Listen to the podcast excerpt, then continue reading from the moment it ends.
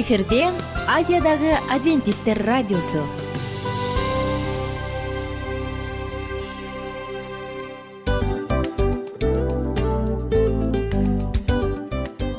Достор салют. Баардык сүйүктүү угармандарыбызга салам айтабыз. Кутман күнүңүздөр менен. Ден соолук өмүрдүн булагы демекчи саламат саамы программасында баарыңыздарды көргөнүбүзгө абдан кубанычтабыз. Анда алгач амандашып өтөлү арбаңыздар деп. Ден соолугуңуздар кандай элибизде көбүнчө ден соолук кандай дегенде эле жакшы деп жооп беребиз э? ооруп турсак дагы жакшы дейбиз. Анан мен муну айтып ойлойт элем бул абдан сонун сөз депчи анткени бул жакшы деген үмүт да ооба. баары жакшы болот баары сонун. Деп үмүттөнүп атып эле өзүбүздү өзүбүз дарылап коебуз. Анысы кандай? Сиздин дагы ден соолугуңуз жакшы беш деген үмүттөбүз чындыгында ден соолук бул өмүрдүн булагы деп бекеринен айтылган эмес деп ойлойм. Кыргыз элинде. Анткени эгерде ден соолук жок болсо анда адамдын жашоосунда калган баардык керектүү маңыздуу нерселер өзүнүн баалуулугун жоготуп коет. Ошондуктан ден соолук бул эң керектүү нерсе. Ооба туура айтасың кесиптешим. Чынында ден соолугуң жок бир эки үч күн ооруп калсаң эле э кандай болуп калат? Жашоодо көз каранды болуп каласың көп нерсеге жетишпей каласың көп нерсени кыла албай каласың жада калса эшикке дүкөнгө да чыга албай каласың. Туптуура анан ден соолук болсо демек биз биздин бактыбыз тотой деп койсок болот. Анда достор саламат саамы рубрикабызды баштайлы алдыда өзүңүзгө керектүү болгон сонун кеңештерди уга аласыздар. Мына ошондуктан биз менен бирге болуңуздар. Ал эми биз болсо милан жана айнура. Кеттик алга. Алга саламат саама ден соолуктун жарчысы. Саламат саама ден соолуктун ачкычы. Күн сайын сиз үчүн мыкты кеңештер сонун жаңылыктар кызыктуу фактылар. Биздин рубрикада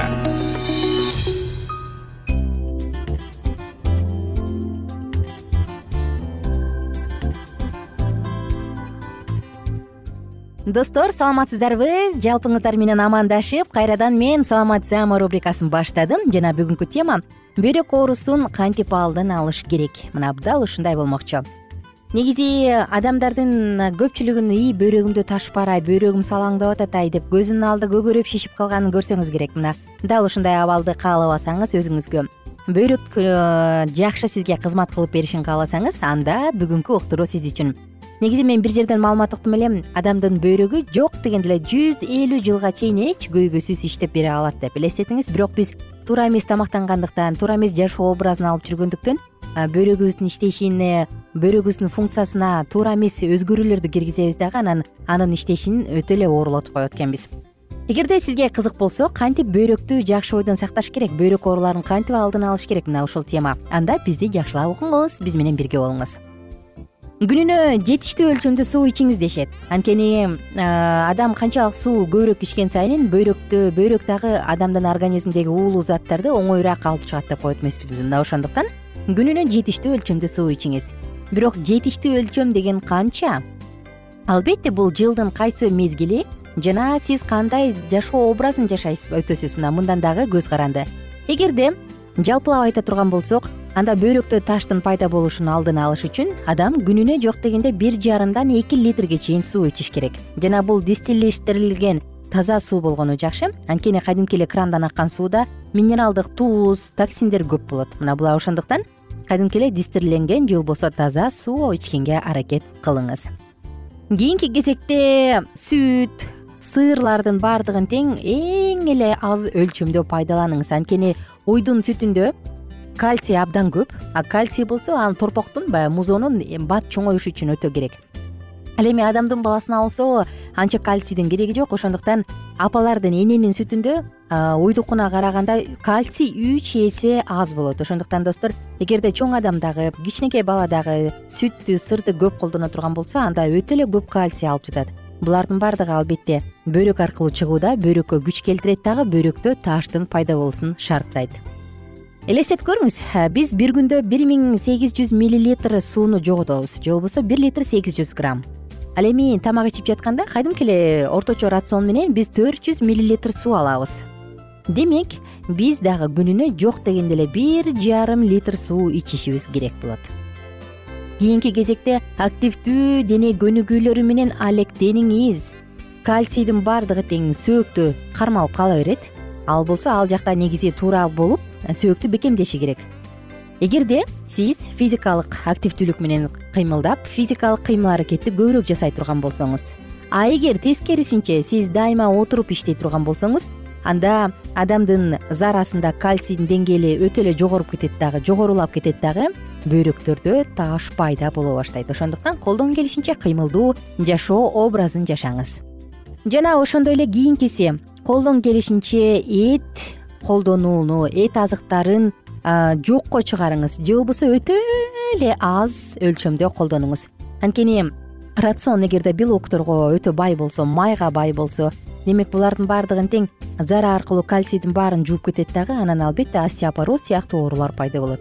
Мына ошондуктан достор негизи бул этти көп колдонуу зара аркылуу фосфор жана башкалардын баардыгын кошуп ала чыгат. Демек сиздин денеңизде керектүү витаминдер керектүү минералдык туздар жок калат. Жана керектүү учурда бөйрөктө таш пайда болбошу үчүн кайсы бир белгилүү диеталарды кармап коюп туруңуз? Бон университетинин окумуштуулары бул германияда алар мындай диета кармагыла дешет. Күнүнө бир жарымдан эки литрге чейин суу ичиңиздер дейт өсүмдүктөн алынган клетчаткаларды бул жашылчаларда мөмө жемиштерде бүтүн даан азыктарында боп өсүмдүктөрүндө кездешкен клетчатканы көп жеңиздер дешет. Андан тышкары мөмөдү мөмө ширелеринен алынган помидор жана башка жашылчалардын курамында бар калийди ичиңиз дешет. Тагыраак айтканда бул албетте ширелер бул жашылча жемиштер э. Жана ошондой эле б алты витаминин жеңиз дейт. Бул өндүрүлгөн буудайдын курамында бар кунчуттун уругунда банан авокадо боп өсүмдүктөрүндө мына булардын баардыгы тең б алты витамини бар. Дал ушул азыктарды колдонгула деп сунушташат.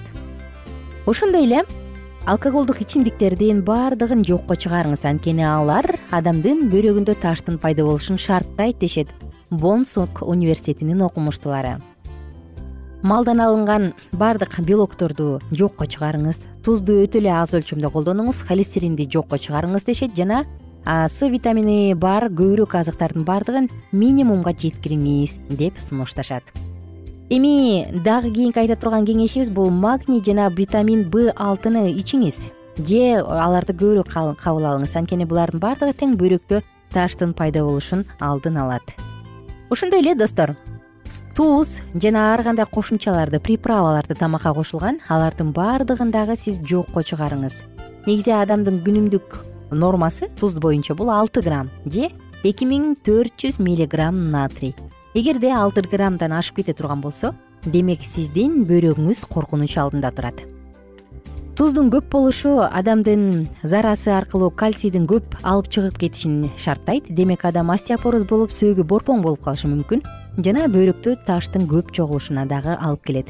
Көптөгөн приправалар соус специялар колбаса азыктары ветчина булардын баардыгынын курамында туз өтө эле көп. Ошондуктан аларды дагы жебегенге аракет кылыңыздар. Достор мына бизде ушундай маалымат бар. Өпкөдөн өпкө менен биз дем алат эмеспизби? Бир эки кызыктуу маалымат айта кетейин. Өпкө менен дем алабыз дал ушул өпкө дем алган сайын анын демин чыгаруу менен үч жүз миллилитрге чейин сууну жоготобуз зара аркылуу тогуз жүз миллилитр суу жогорот. Ал эми тери аркылуу беш жүз миллилитр суу чыгат. Ал эми адамдын заңы аркылуу жүз миллилитр элестетиңиз ошентип адам күнүнө бир литр сегиз жүз грамм сууну дал ушундай жолдор менен сыртка чыгарып коет. Достор менин кааларым сиздерге жайында колдон келишинче көп суу ичиңиз. Кышкысын бир жарым эки литр суу ичиңиз. Негизи бир килограммга отуз кырк грамм суу деп саналат. Туурасы э эгерде сиз элүү килограмм болсоңуз аны отузга отуз бешке көбөйтүңүз дагы. Өзүңүздүн күнүмдүк рационуңузду күнүмдүк өлчөмүңүздү билип алыңыз. Канча суу ичишиңиз керек анан өзүңүздүн саламаттыгыңызды сактаңыз. Мен болсо сиздер менен коштошом жалпыңыздарга көңүлдүү күн бар болуңуздар жана бай болуңуздар. Кененирээк маалыматтар үчүн үч w чекит саламат чекит клуб сайтына келип таанышыңыздар. Жана андан тышкары социалдык тармактарда youtube facebook жана instagram баракчаларына катталыңыз саламат саама ден соолуктун жарчысы. Саламат саама ден соолуктун ачкычы. Күн сайын сиз үчүн мыкты кеңештер сонун жаңылыктар кызыктуу фактылар биздин рубрикада.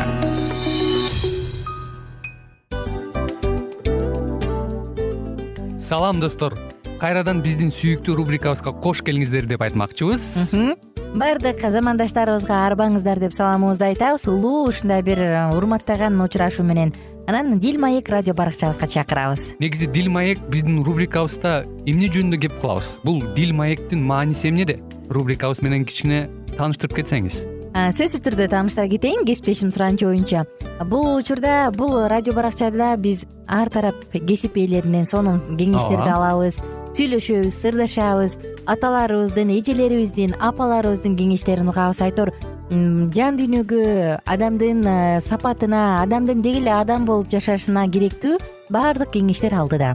Негизи э, дил маек дегенде баягы эки адамдын ортосундагы сырдашуу кенен сүйлөшүү. Негизи эле биз адамдар бири бирибиз менен бир жерге жай жерге отуруп алып өзүнчө тынч э, жашоо жөнүндө өмүрүбүздө эмне болуп атканын бөлүшкөнү жакшы көрөбүз э адамдар. Ооба туура айтасың анан мындай учурга кээде убакыт да жетпей келет э? Же болбосо сырыңды кайгыңды муңуңду кубанычыңды айткың келет а адамга ишенбешиң мүмкүн. Ооба. А бул радио баракча угармандарыбыздын чыныгы досу. Анткени бизден алган кеңеш сиздин жашооңузга чоң жардам берет. Ал эми сиздин бизге айта турган сөзүңүз ортодо гана сыр бойдон калат.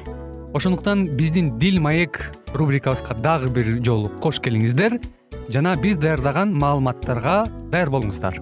Айнура жана милан сиздер менен бирге алдыга кеттик. Ар түрдүү ардактуу кесип ээлеринен алтын сөздөр жүрөк ачышкан сыр чачышкан сонун маек дил маек рубрикасында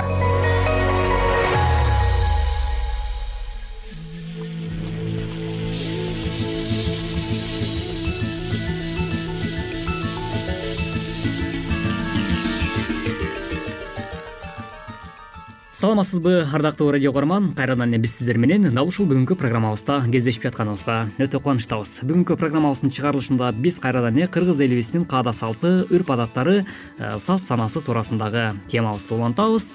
Тактап айтканда бүгүнкү программабыздын темасы конок тосуу маданияты кыргыз эли эзелтеден деги эле э, конок тосуу маданияттын кандай кылып келишкен ушул туурасында сөз кылмакчыбыз. Андыктан бүгүнкү программа сиздер үчүн кызыктуу болот деген тилек менен алдыны көздөй сапарыбызды улантабыз. Эзелтеден кыргыз элинде конок айттырбай келет деген сөз бар эмеспи?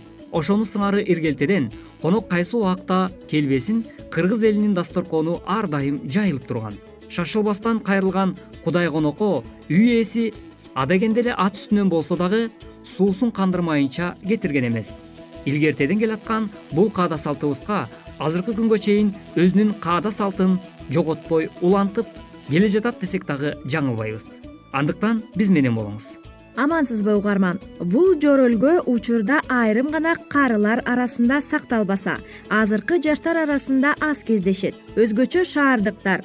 Үйүнө капыстан конок келип калса дасторконун арыдан бери сала коюшуп көчөгө чыгып кичинекей базарлардан тамак аш сатып келгенге чуркашат. Ал эми илгери баары башкача болчу. Конок насиби сыйлуу тамакты мейманга сактап уяттуу адамдар келип калса алдына коюу дегенди билдирет. Кыргыздар конок келгенде дасторкон үстү жупунуу болушунан абдан уялышкан. Илгери ак элечекчен апаларыбыз конок келип калса алдына коебуз деген тамак ашын үкөккө катып аны кулпулап балдарына да беришчү эмес экен уяттуу адам капилеттен келип калса алдына эмне коебуз деген ой ар бир үй ээсинин жанында жүргөн. Карын май ошондой учурда бузулган кудай берекесин берсин деп карынды байбичелер бузаар замат биринчи өзүлөрү ооз тийип андан кийин үйдүн карысына сугундуруп андан кийин дасторконго коюшкан. Катылып жаткан набат мийиз таттуулар карынга куюлган сары май үйгө кандай конок келбесин? Дасторкон үстүндө толуп турган. Апабыз үкөктү качан ачат деп шыкаалап балдар ар күнү меймандын аркасы менен опур топур элге толуп калышат. Ошондуктан конок насиби деп азыркы жаштар деле тамак аш сактай жүрүшсө конок алдында да жүздөрү жарык. Өздөрү да базарга чуркап убара тартуудан алыс болушмак урматтуу угармандарыбыз чындап эле кыргыз элине мүнөздүү болгон. Бул нерсе айтпасак дагы баардыгыбызга белгилүү болуш керек. Себеп дегенде э, ар бир кыргыз эли баягы өзгөчө айыл жергесинде чоңоюп өскөн э, мисалы инсандарыбыз э ушул нерсени абдан жакшы билет болуш керек да кесиптешим. Э, себеп дегенде жогоруда кесиптешим айтып өткөндөй эле чындап эле кыргыз элинин баягы мейман күтүү конок тосуу салтынын өзгөчөлүгү дагы өтө бир башка улуттардан айырмаланып келген десек жаңылбайбыз себеп дегенде биздин ушул илгерки муундар дейбизби мурдакы ушул биздин чоң ата чоң энелерибиз. Мисалы ушул нерселерди өтө мындай карманып келишкен да. Мисалы мен өзүмдүн жашоомон эле биз бала чагыбызда кичинекей кезимде менин өзүмдүн чоң энем ушул дасторконго атайын Э, мейман келет деп э, ар кандай таттууларды ар кандай мисалы жогоруда айтып өткөндөй эле ушул мүмкүн сары май же курут дейбизби. Кыргыз элинин баягы улуттук тамак ашына тиешелүү болгон э, ушул курут сары май андан сырткары баягы таттуу тарапаларды ар дайым ушул мейман келип калат деп кулпулап катып келишкен да. Анан чындап эле бул нерсе баягы Э, зыкымдыктын айынан эмес тескерисинче э, баягы сарамжалдуулук менен ушул нерсени биздин э, илгерки ата энелерибиз чоң энелерибиз чоң аталарыбыз ушундай ыкмаларды колдонуп келишкен экен да. Андыктан бул нерсе дагы чындап эле бир тараптан алганда бул дагы абдан жакшы. Анткени сарамжалдуулукка үйрөнө турган болсок кийинки муундар.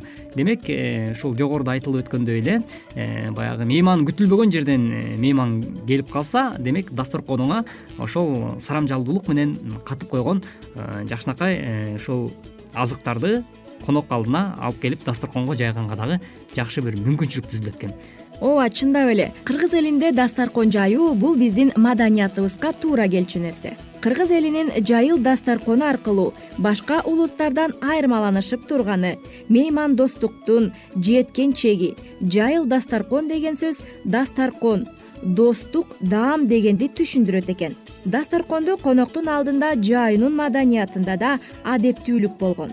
Дасторкон салган адам тизелей калып аны оң жагынан жаят. Эгерде аны бүктөөгө туура келсе бүктөлгөн жагы төрдү карап ачык жагы босогону карайт.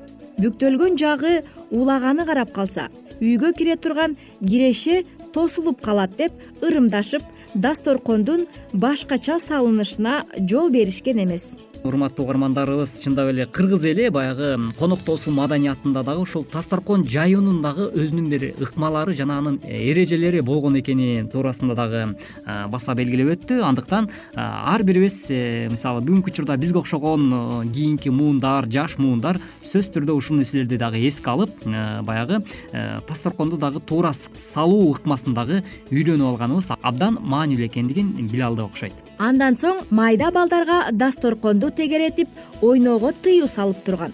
Апаларыбыздын нан улуп нанды оң кой оңолоруңа жакшы деген сөздөрдү дасторкон жаюуда да колдонуп нан дасторконго башка даамдан мурун оң бетинен коюлган экен чындап эле конок тосуу маданиятында дагы бул жерден дагы көрө алсак болот экен. Баягы дасторкон жайып үйгө мейман күтүү эрежелерин аткарууда дагы сөзсүз түрдө ошол жерге дасторкон салып келишкенде эзетеден кыргыз эличи баягы боз үйдүн ичиндечи. Андыктан ошол жерге салынгандыктан э, балдар кирип ары бери чуркап ойногондо э, баягы дасторконго салынып турган азыктарга эмне түшүп кетиши мүмкүн? Ал жерге албетте кыргыз эли баягы жер төшөктөрдү көбүрөөк баягы колдонуп келгендиктен жер төшөк бул э, койдун жүнүнөн жасалгандыктан ал жерде э, кыл болуп калат э. Кыл ошол тамак ашка аралашып э, түшүп кетпеш үчүн ар кандай бир ыпырлар чаңдар ошол азык түлүккө аралашып кетпеш үчүн балдарды дагы ошол конок тосууда сөзсүз түрдө бир маданияттуулукка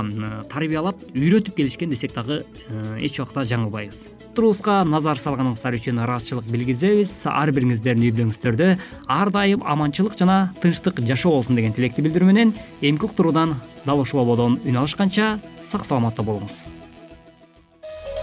Ар түрдүү ардактуу кесип ээлеринен алтын сөздөр жүрөк ачышкан сыр чачышкан сонун маек дил маек рубрикасында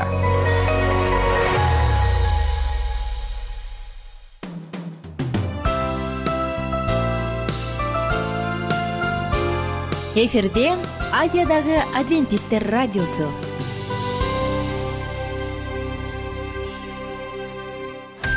Жан дүйнөңдү байыткан жүрөгүңдү азыктанткан жашооңо маңыз тартуулаган жан азык рубрикасы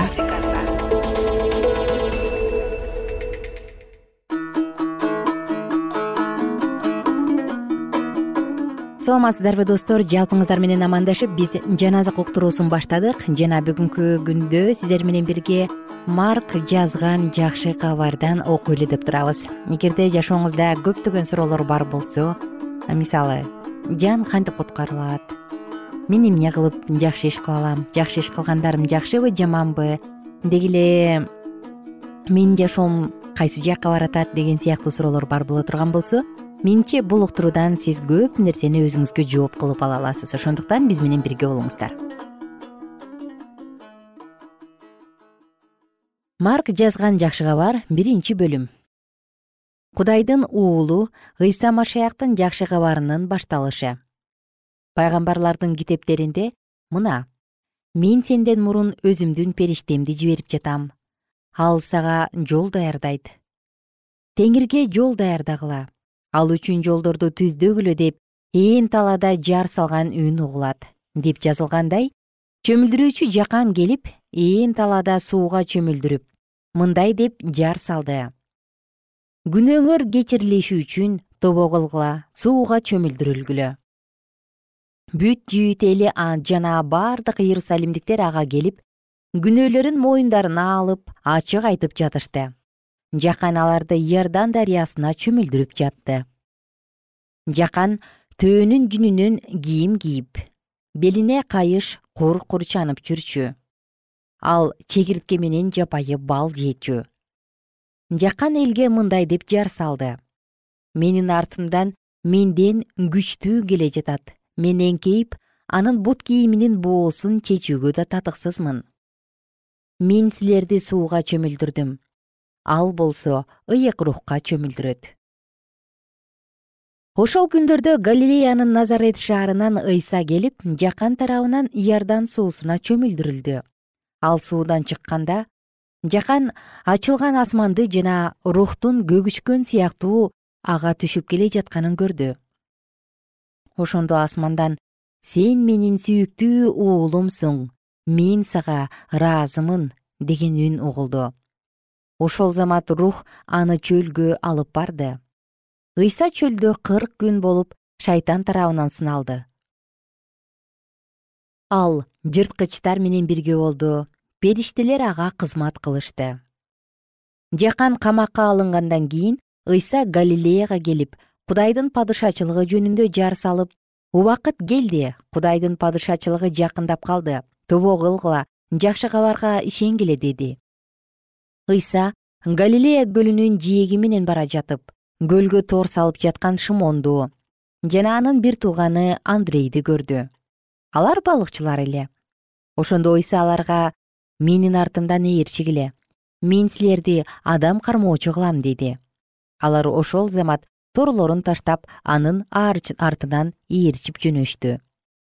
Бир аз нары баскандан кийин ал зебедейдин уулдары жакып менен жаканды көрдү алар кайыктын ичинде тороңдоп отурушкан эле.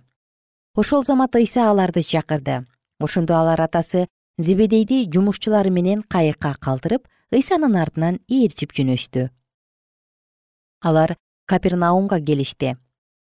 Ыйса ишемби күнү синагогага кирип элди окутту эл анын окутуусуна таң калды. Анткени ыйса аларды мыйзам окутуучулардай эмес бийлиги бар адамдай окутту алардын синагогасында жин оорулуу бир адам бар эле. Ал ошол замат.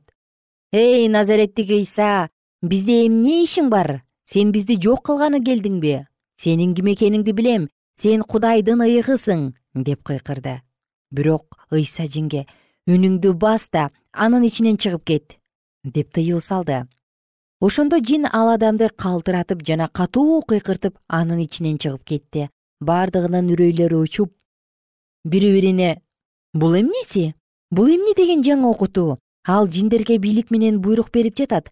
Алар болсо ага баш ийип жатышат дешти. Ал жөнүндөгү кабар галилеянын туш тарабына тез эле тарап кетти.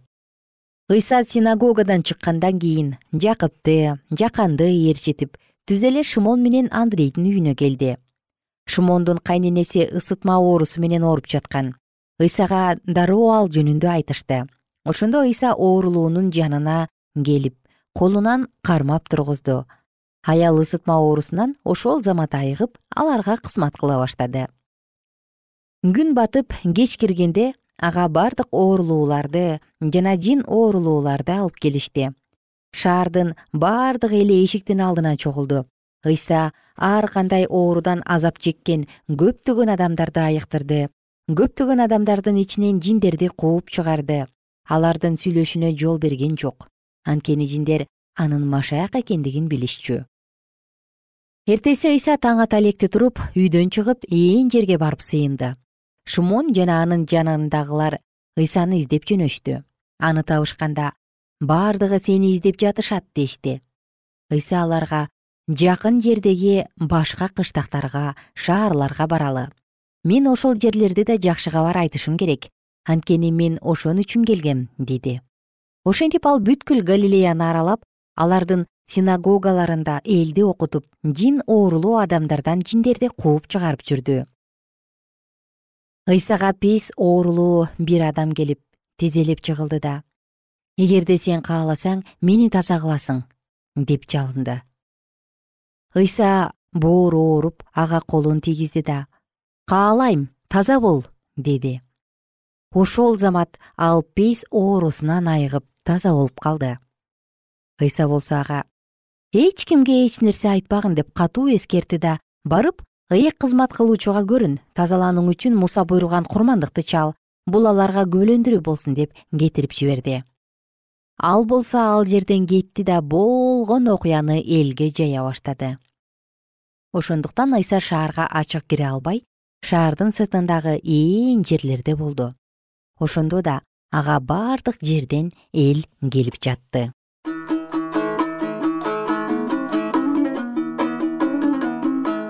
Кымбаттуу достор мынакей бүгүн сиздер менен биз марк жазган жакшы кабардан биринчи бөлүмдү окуп өттүк. Кийинки уктуруубузда улантабыз ошондуктан кайрадан амандашканча күнүңүздөр көңүлдүү улансын. Оорубаңыздар сак болуңуздар. Өзүңүзгө сөзсүз түрдө көңүл буруп ден соолугуңуз бекем болсун. Кайрадан амандашканча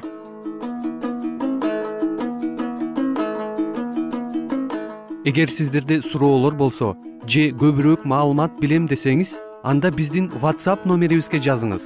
Плюс бир үч жүз бир жети жүз алтымыш алтымыш жетимиш. Кайрадан плюс бир үч жүз бир жети жүз алтымыш алтымыш жетимиш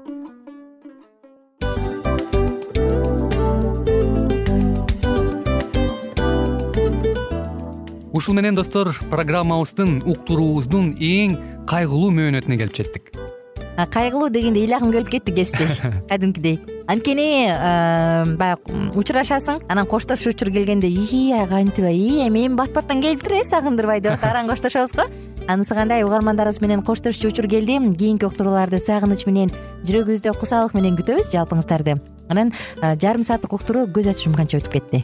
Сөзсүз бирок бизде жакшы кабар бар. Кийинки уктурууларыбызда сөзсүз дагы кезигишебиз. Анткени биз көптөгөн сюрприздерди кызыктуу маалыматтарды жана керектүү керектүү нерселердин көпүнчөсүн даярдадык анда угармандарыбыздын баардыгына ийгиликтүү күн каалайбыз. Эгерде бүгүнкү күнүңүз өзгөчө э, өтүшүн кааласаңыз анда позитивдүү ой жүгүртүп жылмайып жакындарыңызга жакшы маанай тартуулап жүрө бериңиз анткени сөзсүз түрдө мунун арты кайтат э? Сөзсүз. Баягы ден соолугуң оңолот ал бул деп көп нерсени санап келебиз. Эң негизгиси бул сиздин жашооңузду жаркын кыла түшөт экен. Жараткан кудай ар бирөөңүздөргө батасын берсин. Жашооңуз ийгиликтүү болсун сак саламатта калыңыздар деп мен милан жана кесиптешим айнура. Баардыгыңыздар менен кийинки уктурууда үн алышканча баарыңыздарга ийгилик каалайбыз